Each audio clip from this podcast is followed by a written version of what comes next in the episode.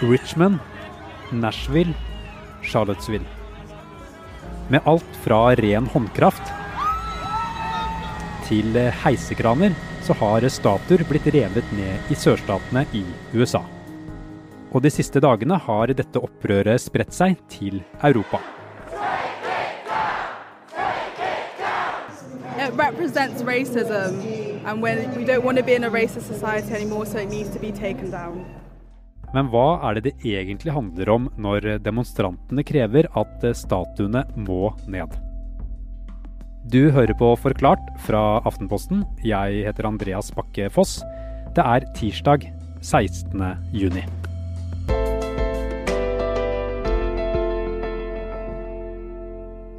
Står, nå står jeg i midten av Møhlenpris, og jeg kan liksom høre hvor barneskole er, jeg kan se nærbutikken, jeg kan se Nygårdsparken, og jeg kan se opp på høyden. Og der på høyden ligger Universitetet i Bergen. Camilla Ahamat jobber der oppe, men har akkurat tatt turen ut. Jeg, rundt meg her på Møhlenpris ser jeg eh, mange eh, altså Det er liksom tett i tett med leiligheter. Det er liksom små gater. Altså det er gult, rosa, grønt, blått. Jeg går forbi et lilla, liksom, liksom knallilla Eh, boligområde. akkurat her som jeg Hun sitter også i bystyret for Sosialistisk Venstreparti. Masse rododendroer og blomster, og det er benker utenfor alle disse, alle disse blokkene som er her. Det er veldig mange små, koselige verandaer. Alle vinduene er åpne fordi det er varmt. Det er sikkert veldig varmt inni disse murhusene nå. I det siste er det blitt en del debatt om området Møhlenpris. Og det har å gjøre med mannen som området er oppkalt etter, Jørgen Tormøll. Altså, Jørgen Tormøll var ja, en bergenser som eh, fikk oppkalt en eh, gate etter seg fordi at han har måte, etablert hele Møhlenpris med sin virksomhet innenfor handel. Og så Det som har fokus nå, fått fokus nå, det er det at han også drev med slavehandel. Eh, og da er det veldig mange som ønsker å endre både bydelsnavn og gatenavn. Fordi at de mener at vi må ta et oppgjør med fortiden, og ikke kan hylle mennesker som har drevet med slavehandel. Hva går denne debatten om Møhlenpris ut på, sånn som du opplever det? Sånn som jeg opplever det, så opplever jeg det som en avsporing. En avsporing fra det dette egentlig handler om. Det vet tidligere USA-korrespondent i Aftenposten, Christina Pletten. I august 2017 så var det en eh, marsj i eh, Charlottesville i Virginia, der masse eh, høyreekstreme grupper møttes for å demonstrere til forsvar for det man bredt kan kalle for sørstatskulturen. Det inkluderer uh, the Confederate flag. Du har nok sett flagget Kristina snakker om. Det er et rødt flagg med et blått kryss over. Og inni det blå krysset så er det hvite stjerner. Og så inkluderer det en rekke andre ting, bl.a. eh, en masse statuer av krigsheltene fra sørstatene som slåss mot nord, og som, eh, eh, som da forsvarte bl.a. slaveriet. For det måtte nemlig en blodig borgerkrig til for å avskaffe slaveriet i USA. I flere av de amerikanske statene i sør så ønsket mange å fortsette å holde svarte slaver. Mens i nord så ønsket man å avskaffe slaveriet som institusjon. De nordlige statene vant, og etter 1865 så ble slavehold ulovlig i USA. Så da folk marsjerte i Charlottesville i 2017 for å hedre sørstatenes innsats i denne borgerkrigen, så skapte det sterke reaksjoner. Det som skjedde i Charlottesville, var at man fikk eh, et voldsomt sammenstøt mellom alle disse høyreekstreme gruppene og eh, motdemonstranter. Det førte til slutt til at en ung kvinne ble drept av en bil som kjørte inn i folkemengden. Og så gikk eh, president Donald Trump ut og sa at 'there are good people on both sides'. Eh, og da skapte det helt utrolig sterke reaksjoner. Og man fikk på en måte den første bølgen av disse her rasemotsetningene under Trump, som vi ser har blusset opp igjen nå. Etter at dette skjedde, så dro jeg til delstaten South Carolina, til eh, en by som heter Charleston, som ligger helt ute på kysten. Og der dro jeg fordi at dette er på en måte kanskje det stedet i USA der man kan oppleve historien og disse rasemotsetningene aller sterkest. Charleston var byen der veldig mange av slaveskipene fra Afrika kom inn. De la til eh, havn ute i skjærgården utenfor byen, og så ble eh, slavene satt i karantene. Eh, gjerne i ukevis og noen ganger i månedsvis. Veldig mange av de ble syke og døde under overfarten, og en god del døde også i disse karanteneleirene før de ble fraktet videre til land. og og så ble de jo da solgt inne i byen. I Charleston så tok eh, en svart politiker eh, som het Thomas Dixon meg med rundt og viste meg byen. Og eh, han påpekte det at Charleston er altså full av svære, flotte, prangende monumenter i hvit marmor av disse sørstatsheltene. Og så viste han meg da en bitte liten Det var ikke en statue engang, men en liten plakett som sto egentlig sånn halvveis gjemt inni en sånn buskas i en park. Og det var da det eneste monumentet eh, i byen som var tilegnet en slave, eh, og som markerte det som eh, egentlig hadde skjedd med slavene. Og i sørstatene har det lenge vært en debatt om disse symbolene, som statuer og the Confederate flag. Sørstatsflagget er for mange et rasistisk symbol.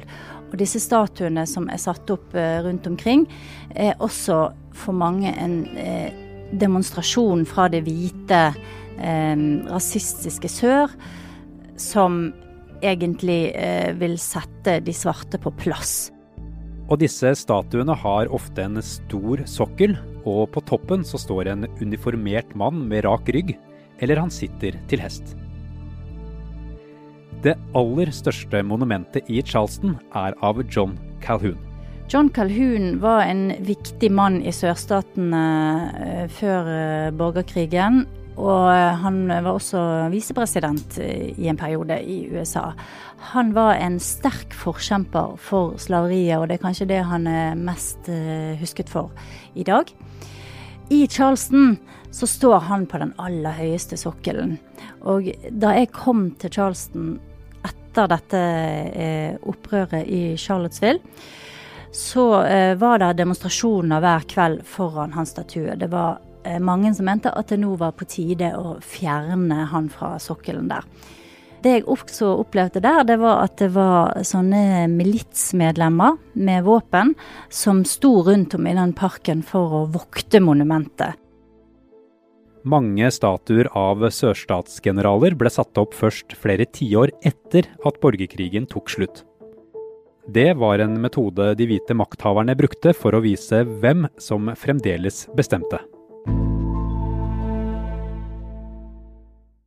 Kristina, hvorfor vil folk ha vekk og rive ned disse statuene? Det er jo fordi at de står der som symboler på en veldig vond og vanskelig eh, epoke i eh, amerikansk historie. Og fordi jeg tror at veldig mange svarte, spesielt i sørstatene, opplever dette her som fryktelig krenkende og, eh, og truende, rett og slett. Altså, jeg snakket jo med masse afroamerikanere når jeg var i South Carolina, og de sa jo det at de fortsatt var redd. Altså, et, en liten by var i, så, så, fortalte de at det var bare to år siden Ku Klux Klan hadde marsjert gjennom byen. Så eh, dette handler ikke bare om um, Dette handler ikke bare på en måte om debatt og holdninger. Det handler om frykt og helt reelle fysiske forhold, da. Som eh, afroamerikanere opplever sånn på kroppen. Men noen vil også beholde dem. Foran statuen av Calhoun i Charleston f.eks. så sto det jo militsgrupper som ville forsvare den i 2017. Jeg snakket med en som het Bruce Bennett, som var eh, altså da eh, en slags kommandant for disse militsgruppene som var til stede i parken. Og hans eh, take på dette her da var at eh, han trodde ikke det at de som protesterte mot statuene, hadde sett seg ordentlig inn i historien. Han sa våre soldater døde mens de slåss for friheten og det de tror på. De fortjener respekt, og det har ingenting med slaveri å gjøre. Det var hans eh, oppfatning. Veldig mange andre vil nok tenke at eh, det nettopp har alt med slaveri å gjøre. Det var egentlig det veldig mye av borgerkrigen handlet om. Debatten om monumentene til ære for sørstatsgeneralene har pågått lenge. Noen av dem ble tatt ned etter at en høyreekstremist skjøt og drepte ni afroamerikanere i en kirke i Charleston i 2015. Og noen forsvant også i 2017. Men nå ryker enda flere. Det som har skjedd eh, egentlig først eh, gjennom den bølgen med Charlottesville, og som kommer opp igjen nå, det er jo det at man setter et spørsmålstegn ved om dette oppgjøret med rasismen, med slaveriet, har vært tilstrekkelig.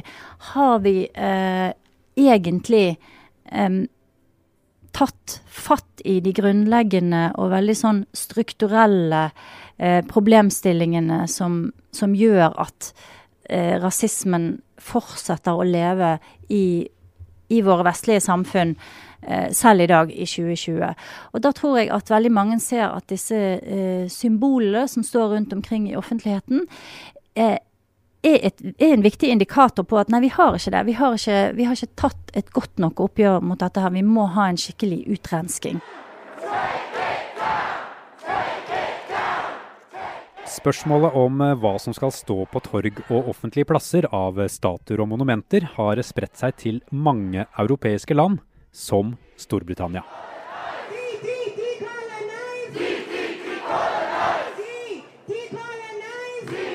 Og i Belgia har statuer av kong Leopold blitt tilsølt av maling og tagget ned pga. hans kolonisering i Afrika. Og i Norge har debatten gått om bl.a. Møhlenpris. Hva skal jeg si, da? Jeg har jo heller lyst til å snakke om hvordan vi skal få folk eh, i jobb eh, som eh, har et annet etternavn uten at de må nødt å endre navn. Eller hvordan vi vet at én av fem barn blir mobbet på bakgrunn av hudfargen deres. Vi vet at, at det er raseprofilering i Norge også. Og de tingene der. Altså, som farget person så vet jeg at ikke alle kamper jeg kan ta. Eh, og dette er ikke en kamp jeg har lyst til å ta. Dette er ikke noe jeg har lyst til å bruke tid på. Jeg vil snakke om reelle ting. Eh, men jeg skjønner at Jeg forstår at behovet for å ønske å fjerne både statuer og gatenavn fordi det har en vond historie. Men jeg tenker at det er mye lurere å reflektere over eh, fortidens ondskap, faktisk. Igjen og igjen. Og hvis vi bare skal drive og endre og fjerne på ting, så får vi liksom ikke den muligheten. Og det er ikke sånn at Tor Møhl har fått en gate oppnevnt etter han fordi at han blir hyllet som slavehandler. Han blir hyllet fordi han har bidratt med både økonomi, midler og en visjon for en bydel som han var glad i. Og det tenker jeg at det er liksom ikke helt det samme som i USA. For Ahamat utgjør det å bytte et navn på et område i byen ikke veldig stor forskjell.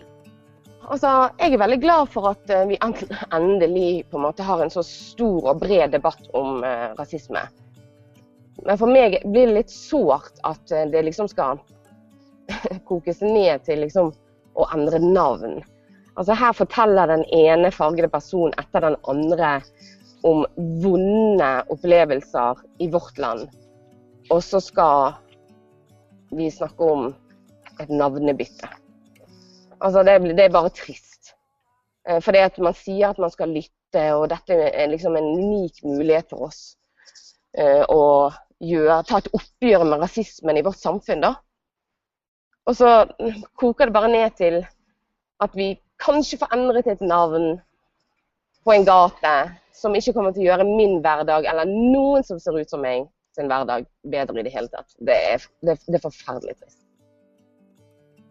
I USA ble statuene satt opp i stor grad for å provosere og for å understreke poenget om at de hvite sto sterkt i sørstatene. Men nå rives de ned.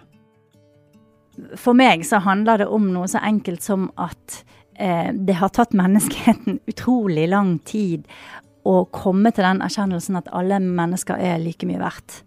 Eh, at menn og kvinner er like mye verdt. At eh, det ikke spiller noen rolle hva slags hudfarge du, du, har. At eh, det ikke spiller noen rolle hvor du kommer fra. Det, du skal jo ikke mer enn 70 år tilbake i tid før nordlendinger f.eks. ble diskriminert mot her i Oslo. Eh, at seksuell legning ikke skal bety noe. Så det er jo spørsmål som vi fortsatt sliter med, dessverre, og som jeg tror det vil ta fortsatt lang tid å å bli helt kvitt, da. Men det er jo en prosess som jeg tenker det moderne samfunnet nå gjennomgår, som er litt vanskelig og, og, og som er veldig sånn uh, konfliktskapende. Men um, dypest sett så har vi ikke noe valg. Vi må, vi må jo dit hen at alle mennesker tenker at det er ikke noe forskjell på oss, og at vi er like mye verdt. Men, men det, det, er vanskelig, og det er, det er veldig følelsesladet.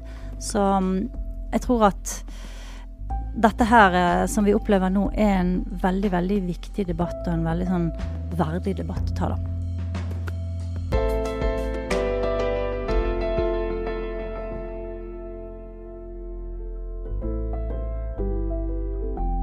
Forklart lages av Caroline Fossland, Anne Lindholm, Fride Næss Nonstad, Marit Eriksdatter Gjelland og meg, Andreas Bakke Foss. I denne episoden har du hørt lyd fra nyhetsbyrået AP.